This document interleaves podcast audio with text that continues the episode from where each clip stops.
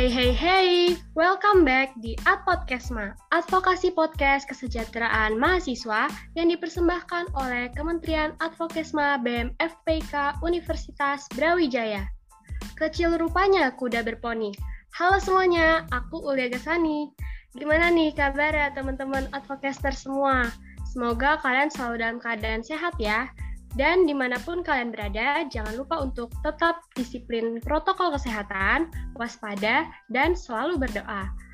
Wah, nggak kerasa nih, kita udah masuki episode yang ketujuh. Buat kalian yang belum mendengarkan episode podcast sebelumnya, kalian bisa banget nih untuk mengikuti Spotify dari Ad Podcastma atau bisa mendengarkan dari IGTV BEM FPKUB. Eh ya, ngomong-ngomong kalian udah pada tahu belum nih ada prestasi yang membanggakan loh dari empat mahasiswa FPKUB yang belum lama ini sempat masuk nih ke official account Instagram Jawa Pos Radar Blitar karena mereka telah berhasil mendapatkan pendanaan dari Kemendikbud melalui program kreativitas mahasiswa di bidang riset sosial humaniora atau yang biasa disingkat PKM RSH untuk melakukan penelitian yang berkaitan dengan ekologi sebagai bentuk rasa kepedulian mereka di era krisis ekologi seperti sekarang ini. Nah, siapa sih mereka ini? Yuk, langsung aja kita tanya-tanya karena di sini telah hadir bersama kita tim Ecological Intelligence. Halo Mbak Fitri, halo Mbak Dila. Halo Sani. Hai Sani. Halo, salam kenal ya Mbak. Wah, satu kebanggaan nih, Ad Podcastma kedatangan perwakilan dari tim Ecological Intelligence. Gimana nih kabarnya Mbak Fitri dan Mbak Dila? Uh, Alhamdulillah baik. Uh, kalau Sani gimana? Alhamdulillah aku juga baik. Nah, gimana nih kabarnya Mbak Dila? Alhamdulillah aku sehat. Oke, mungkin bisa perkenalan dulu nih Mbak Fitri dan Mbak Dila ke teman-teman advocaster semuanya dan juga mungkin bisa diperkenalkan juga nih Mbak tim teman-teman lain dari tim Ecological Intelligence yang lainnya. Oke, dari aku dulu ya. Uh, aku Fitria Anggun Maulida dari Agrobisnis Perikanan 2019 uh, eh, dan juga sebagai ketua dari tim Ecological Intelligence ini. Aku Dila Jilanul Aliyah dari Agrobisnis Perikanan 2019 yang merupakan anggota tim Ecological Intelligence ini. Terus ada juga dua anggota lainnya yaitu Iranova Fazira dari Agrobisnis Perikanan angkatan 2019 dan Samuel Sifnes Mampo dari Agrobisnis Perikanan angkatan 2020. Nah, saat ini tim ecological sendiri sedang sibuk apa nih Mbak? Sedang di tahap melakukan penelitian atau sedang di tahap apa nih? Uh, kegiatan PKM RSA atau penelitian kami sebenarnya udah dilakukan dari bulan Juni kemarin sampai dengan sekarang. Uh, bisa dikatakan hampir selesai dan untuk kesibukan pada saat ini uh, kami melakukan penyusulan luaran dari PKM RSA sendiri kayak uh, laporan kemajuan, laporan akhir maupun uh, original artikel yang mana laporan-laporan tersebut sudah kami kerjakan dan untuk sekarang uh, mungkin dalam tahap pengoreksian oleh uh, dosen pembimbing kami yaitu Bapak Muhammad Fatah Selain itu, kami juga rencananya akan menerbitkan jurnal, tapi masih dalam proses diskusi, kayak gitu. Wah, keren banget nih. Tim Ecological Intelligence mau menerbitkan jurnal. Semoga jurnalnya terbit dengan lancar ya, Mbak. Amin. Terima kasih. Oke, nah sejujurnya aku penasaran banget deh, Mbak eh ya pastinya teman-teman advocaster nih juga pada penasaran nih, apa sih ecological intelligence itu?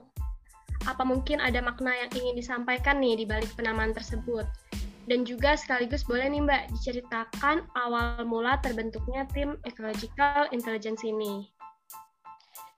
Oke, okay, uh, eh, tim kami menyimpulkan bahwa intelijensi ekologi adalah sebuah kemampuan manusia dalam menafsirkan secara rasional uh, terhadap dampak ekologis dari aktivitas maupun tingkah laku manusia dan hal itu da dalam bentuk uh, sebuah transformasi positif. Makna dari kecerdasan ekologi tersebut uh, yakni sebagai sarana generasi milenial dalam menerapkan apa yang mereka pelajari dari pengetahuan yang mereka miliki mengenai alam kita kayak gitu. Uh, menurut ini juga teori Ward dan Dubos, uh, mereka menyebutkan bahwa bumi hanyalah satu atau only one earth di mana kelangsungan hidupnya itu sangat tergantung pada manusia untuk merawat, uh, menjaga dan melestari, melestarikan lingkungan kita kayak gitu. Uh, sehingga manusia itu memiliki peran yang penting jika terjadi adanya krisis ekologi seperti yang disebutkan Sani tadi, uh, karena terkait pandangan manusia terhadap realita alam kayak gitu. Oleh karena itu diperlukan intelijensi ekologi, yang mana intelijensi ekologi merupakan bentuk uh, empati atau kepedulian yang mendalam terhadap alam atau lingkungan sekitar. Uh, selain itu juga menginginkan manusia untuk mentransformasikan pengetahuan dan uh, atau pembelajaran mereka yang milik mereka miliki untuk menjaga dan melestarikan alam kayak gitu. Mungkin uh, Mbak Dila bisa ngejelasin nih uh, asal mula dari tim kita. Nah, uh, untuk tadi pertanyaan Sani terkait penamaan ecological intelligence itu sebenarnya um, kita asalnya letuk aja sih dari um, uh, kita ambil dari judul penelitian kita yakni intelijensi ekologi kayak gitu intinya ecological intelligence itu uh, dimaknai seperti kesadaran kecerdasan dan juga empati dari uh, generasi milenial tentang ekologi dan lingkungan kayak gitu jadi mungkin uh, dalam uh, penelitian kita juga ada logo yang dilambangkan dengan daun yang berwarna hijau kayak gitu. Jadi uh, sesederhana itu sih.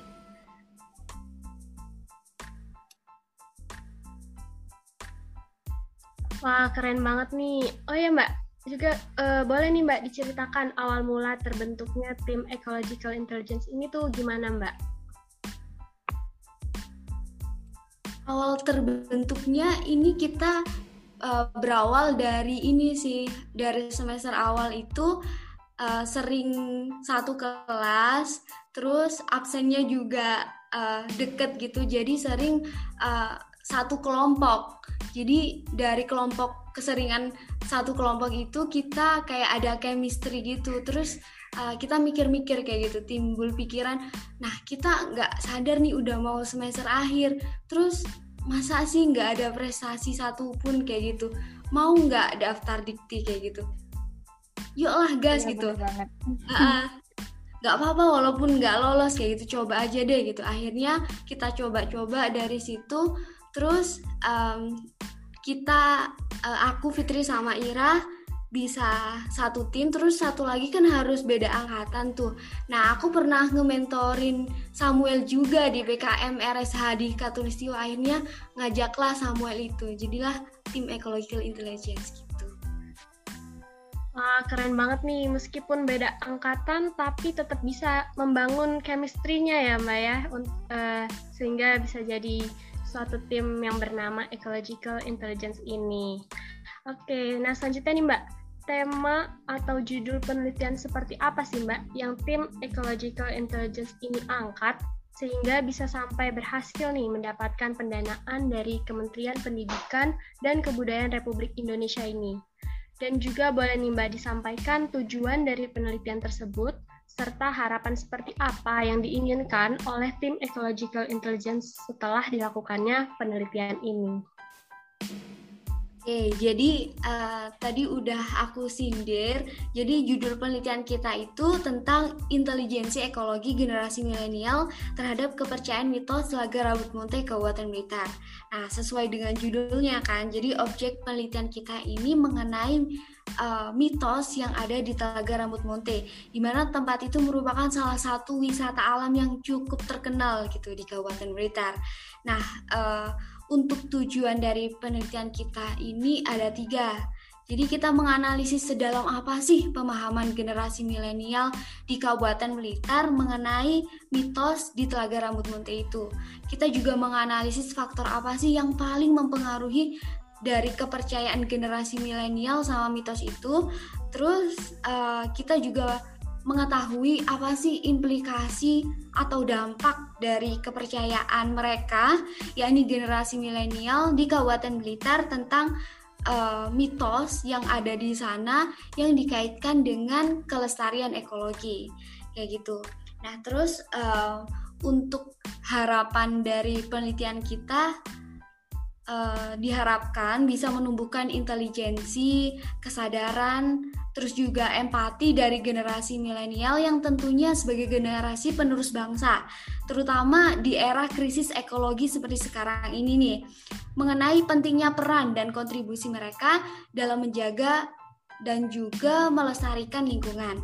Kan kita sama-sama tahu tuh, kalau generasi milenial itu generasi yang terdidik, terus juga akrab dengan teknologi, terus juga uh, ilmu pengetahuan yang maju kayak gitu sehingga diharapkan bisa mentransformasikan pengetahuan mereka, ilmu yang mereka dapat di sekolah dan uh, pendidikan lainnya sehingga dapat berperan dalam menjaga ekologi kayak gitu.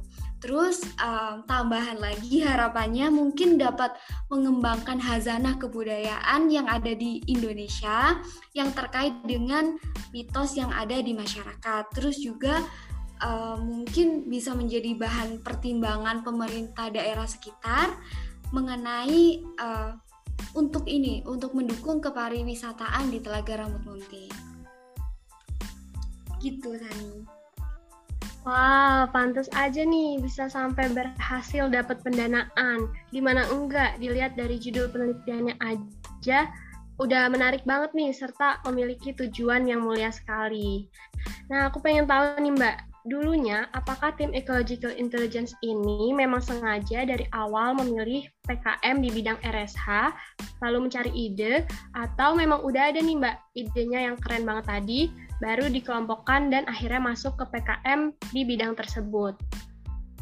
Uh, Oke, okay karena kami sangat suka dengan hal-hal yang berbau sosial dan kami pun juga uh, berasal dari prodi sosial ekonomi. Uh, jadi kami menentukan bidang PKM-nya dulu, yakni PKM RSH dan kemudian baru kita uh, nyari ide idenya kayak gitu. Uh, sebelumnya juga kami juga pernah mengikuti Katulistiwa pada tahun 2019 jadi sedikit lebih uh, banyak memiliki pengalaman nih dalam bidang PKM RSA kayak gitu. Jadi kesimpulannya kita milih PKM uh, eh, bidangnya dulu, baru kita menentukan idenya kayak gitu. Baik, berarti uh, tim Ecological Intelligence ini udah memiliki pengalaman ya sebelumnya sebelum uh, akhirnya uh, berhasil mendapatkan pendanaan dari Kemendikbud.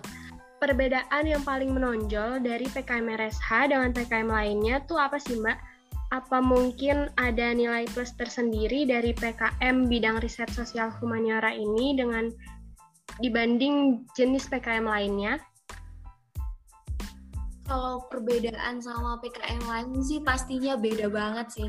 Kayak dari uh, bedanya sama PKM penerapan IPTEK beda karena uh, di PKM PI itu ngebuat alat. Terus kalau PKMK kewirausahaan itu juga memproduksi barang kayak gitu. Terus PKM pengabdian masyarakat yang harus terjun ke masyarakat atau PKM lainnya. Jadi ada namanya PKMR nih. Nah, PKMR itu dibagi jadi dua, yaitu PKMRE, singkatan riset eksakta, dan sama PKM kita nih, PKM RSH, singkatan Riset Sosial Humaniora. Jadi fokusnya PKM RSH ini tuh tentang penelitian hubungan sebab akibat, terus juga berkaitan dengan penelitian deskriptif tentang perilaku sosial, terus juga ekonomi, pendidikan, atau budaya yang ada di masyarakat. Misalnya kayak kearifan lokal atau adat istiadat kayak gitu. Kalau berbicara tentang nilai plusnya dari PKM lain, um, kayak apa ya mungkin kayak dibilang lebih mudah karena nggak perlu bikin uh, alat atau prototipe gitu terus juga nggak membuat suatu produk yang baru, tapi kita cuma meneliti gejala sosial yang ada di masyarakat kayak gitu.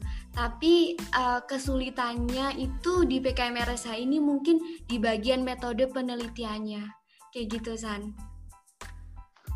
Oke, baik. Berarti di setiap bidang PKM ini ada lah ya uh, plus minusnya masing-masing. Nah, yang paling aku dan teman-teman advocaster ini penasaran adalah gimana sih Mbak awal mulanya bisa datang ide unik ini tuh dari siapa gitu sampai bisa kepikiran untuk membahas intelijensi ekologi generasi milenial lalu dikaitkan dengan kepercayaan mitos yang ada di Telaga Rambut Monte Kabupaten Blitar ini.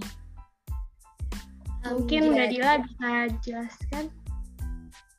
Jadi uh, untuk yang memprakarsai atau yang memulai ide ini sebenarnya bareng-bareng sih kayak mendadak gitu. Jadi pas awal mau daftar uh, seleksi internal UB itu kita awalnya nggak pakai ide ini. Jadi kita awalnya mau lanjutin ide dari uh, Katulistiwa itu tentang kayak patron klien gitu di Senang Biru. Terus pas uh, konsultasi sama dosen pembimbing kok dirasa kayak kurang menarik loh kok kurang bagus dan muncul banyak keraguan gitu kayaknya ini nggak bisa lolos pendanaan deh kayak gitu. Akhirnya saat itu juga kita bareng-bareng diskusi terus apa ya ide yang bagus gitu apa ya ide yang bisa lolos kayak gitu. Nah hamin dua atau hamin tiga itu kita langsung bagi-bagi tugas cepat-cepat nyusun proposal lagi ngebut dan uh, ternyata nggak nyangka bisa lolos. Alhamdulillah kayak gitu. Alhamdulillah, berarti dengan waktu yang semepet itu bisa berhasil nih suatu hal yang keren banget sih Mbak menurut aku. Nah mungkin bisa dijelaskan juga nih Mbak terkait kepercayaan mitos yang ada di daerah tersebut. Mungkin bisa Mbak Fitri? Oke, uh, di sana juga terdapat beberapa mitos nih ya. Uh, yang pertama itu mitos mengenai air telaga yang suci kayak gitu uh, masyarakat sekitar sana itu percaya bahwa air dari Telaga Rambut Monte itu merupakan sebuah uh, air yang memiliki kisah gaib. Masyarakat juga uh, percaya bahwa sumber air di tengah telaga itu memiliki jalur gaib nih yang tembus ke pantai selatan kayak gitu. Uh, kepercayaan tersebut juga didukung nih. Uh, kemarin kan tim kami juga pernah ke sana, sempat ke sana nih dan juga menyaksikan bahwa terdapat pasir putih yang yang mengelilingi pusat mata air dan munculnya bongkahan kayu uh, yang terbentuk seperti perahu kecil dari dalam sumber mata air kayak gitu. Uh, air dari telaga itu juga dipercayai bahwa memiliki manfaat dan khasiat uh, untuk membuat awet muda dan menyembuhkan penyakit kayak gitu. Banyak masyarakat sekitar juga sengaja untuk datang ke telaga itu untuk mengambil air dengan harapan harapan-harapan tertentu kayak gitu. Uh, untuk mitos yang lainnya juga uh, tentang mitos ikan dewa nih. Ikan yang hidup di telaga tersebut dipercayai masyarakat uh, merupakan sebuah ikan yang mistis dan sakral.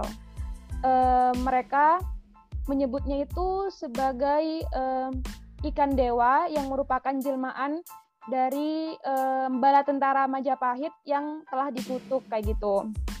Dan juga pernah ini, uh, kami kan juga mewawancarai uh, juru kunci dari telaga tersebut dan pernah ada cerita nih bahwa uh, orang yang mengganggu ikan tersebut mendapatkan malapetaka, uh, kemudian apa ya, kayak mereka menangkap ikan tersebut untuk dikonsumsi dan pas waktu orang itu e, menggoreng ikan tersebut e, berubah menjadi minyak, kemudian selang beberapa hari orang itu e, meninggal kayak gitu.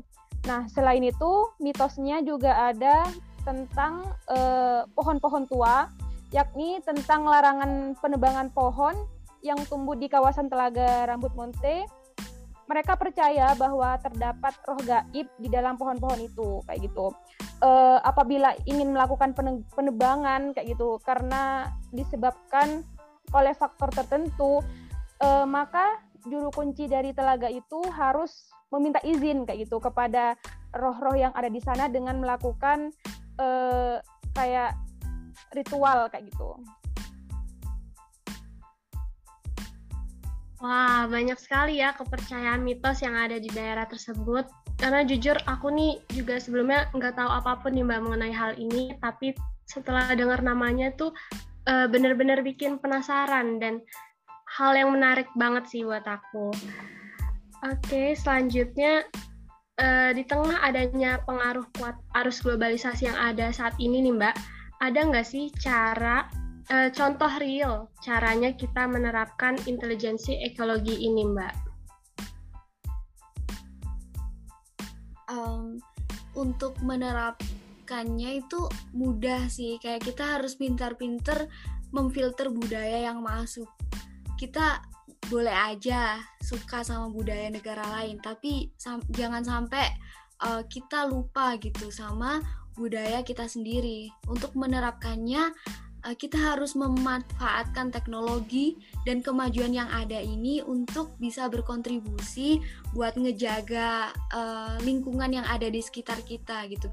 Jadi manusia bukan hanya mengeksploitasi sama mengeksplorasi uh, alam yang ada di sekitar, tapi juga memiliki peran untuk menjaga, melestarikan dan juga merawat uh, alam itu gitu. Benar banget nih, rasa kepedulian generasi milenial Indonesia nggak boleh luntur ya Mbak dengan adanya arus globalisasi ini. Oke, nah e, dalam mengembangkan ide serta melakukan penelitian yang mengusung tema menarik seperti ini, pasti ada lah ya Mbak kendalanya. Nah, kendala apa aja sih yang pernah dialami oleh tim Ecological Intelligence ini dan bagaimana cara tim kalian mengatasinya? Sejauh ini sih alhamdulillah kendala dari tim ini kayak basic aja. Mungkin kayak yang dirasain sama tim-tim lain kayak kita harus um, pinter-pinter bagi waktu sama kegiatan yang ada di rumah. Terus tiap hari juga harus sabar-sabar banget capek diskusi ngezoom gitu Google Meet sampai berjam-jam. Jadi kendalanya kayak komunikasinya jadinya kurang maksimal gitu terutama pas uh, tahap analisis data itu sih yang paling berat. Soalnya uh, kayak ngerjainnya jadi lama kalau nggak ketemu secara langsung. Terus kemarin juga kita uh, pas tahap pengumpulan data karena ada ppkm pas kita datang ke Blitar itu buat ngambil data itu jadinya harus cepet-cepet gitu. Biar uh, bisa cepat selesai biar bisa cepat pulang gitu karena ppkm itu gitu. Wah, keren banget nih. Jadi tim Ecological Intelligence ini berhasil ya mengatasi berbagai kendala yang ada di masa pandemi ini. Oke, nah selanjutnya nih Mbak, uh, boleh nggak sih Mbak di-spill nih untuk besaran biaya pendanaan yang didapat untuk menjalankan penelitian ini tuh berapa sih Mbak?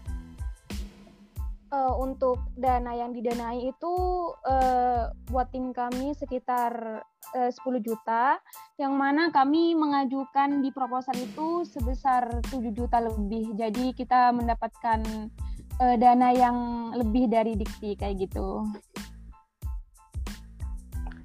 Keren banget. Berarti uh, penelitian yang diangkat oleh tim Ecological Intelligence ini dinilai punya nilai yang lebih lah ya. Jadinya dapat pendanaan yang lebih juga.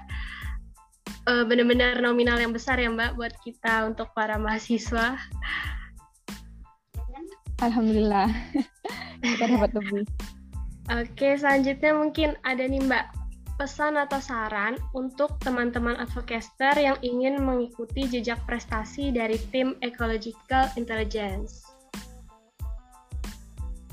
Oke, okay, buat teman-teman yang ini yang pengen ikut nih PK, uh, eh, ikut PKM, uh, eh, menurut aku nih proses PKM itu kan panjang ya, jadi uh, jangan dibuat beban karena dari pengalaman aku pas ini pas yang dari Katulistiwa itu aku tuh kayak ngerasa males kayak gitu capek kalau prosesnya itu terlalu panjang. Jadi uh, sekarang aku menyimpulkan bahwa uh, kegiatan PKM itu apa ya kayak jangan dibuat beban kayak gitu. Karena kalau kita enjoy dengan ini dengan PKM kayak uh, apa ya lancar-lancar aja kayak gitu tuh jadi kita seneng kayak gitu ikut PKM kayak gitu. Oke baik, mungkin ada pesan dan saran tambahan nih dari Mbak Dila mungkin?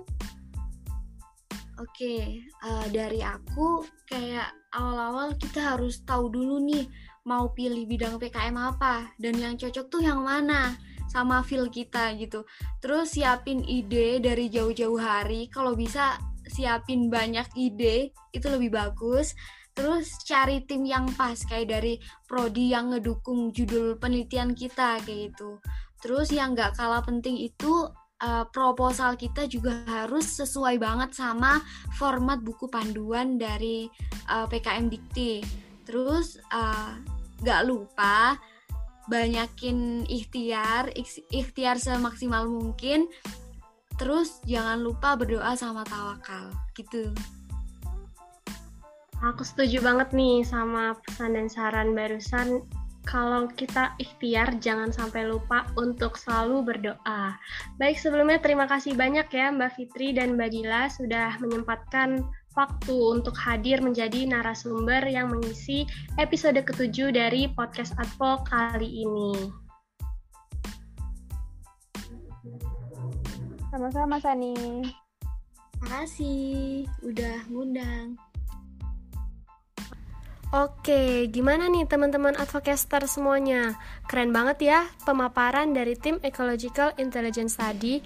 Selain temanya yang keren dan menarik banget tentang intelijensi ekologi serta mitos-mitos yang ada di daerah Kabupaten Blitar, tujuannya juga baik nih untuk masa depan kita.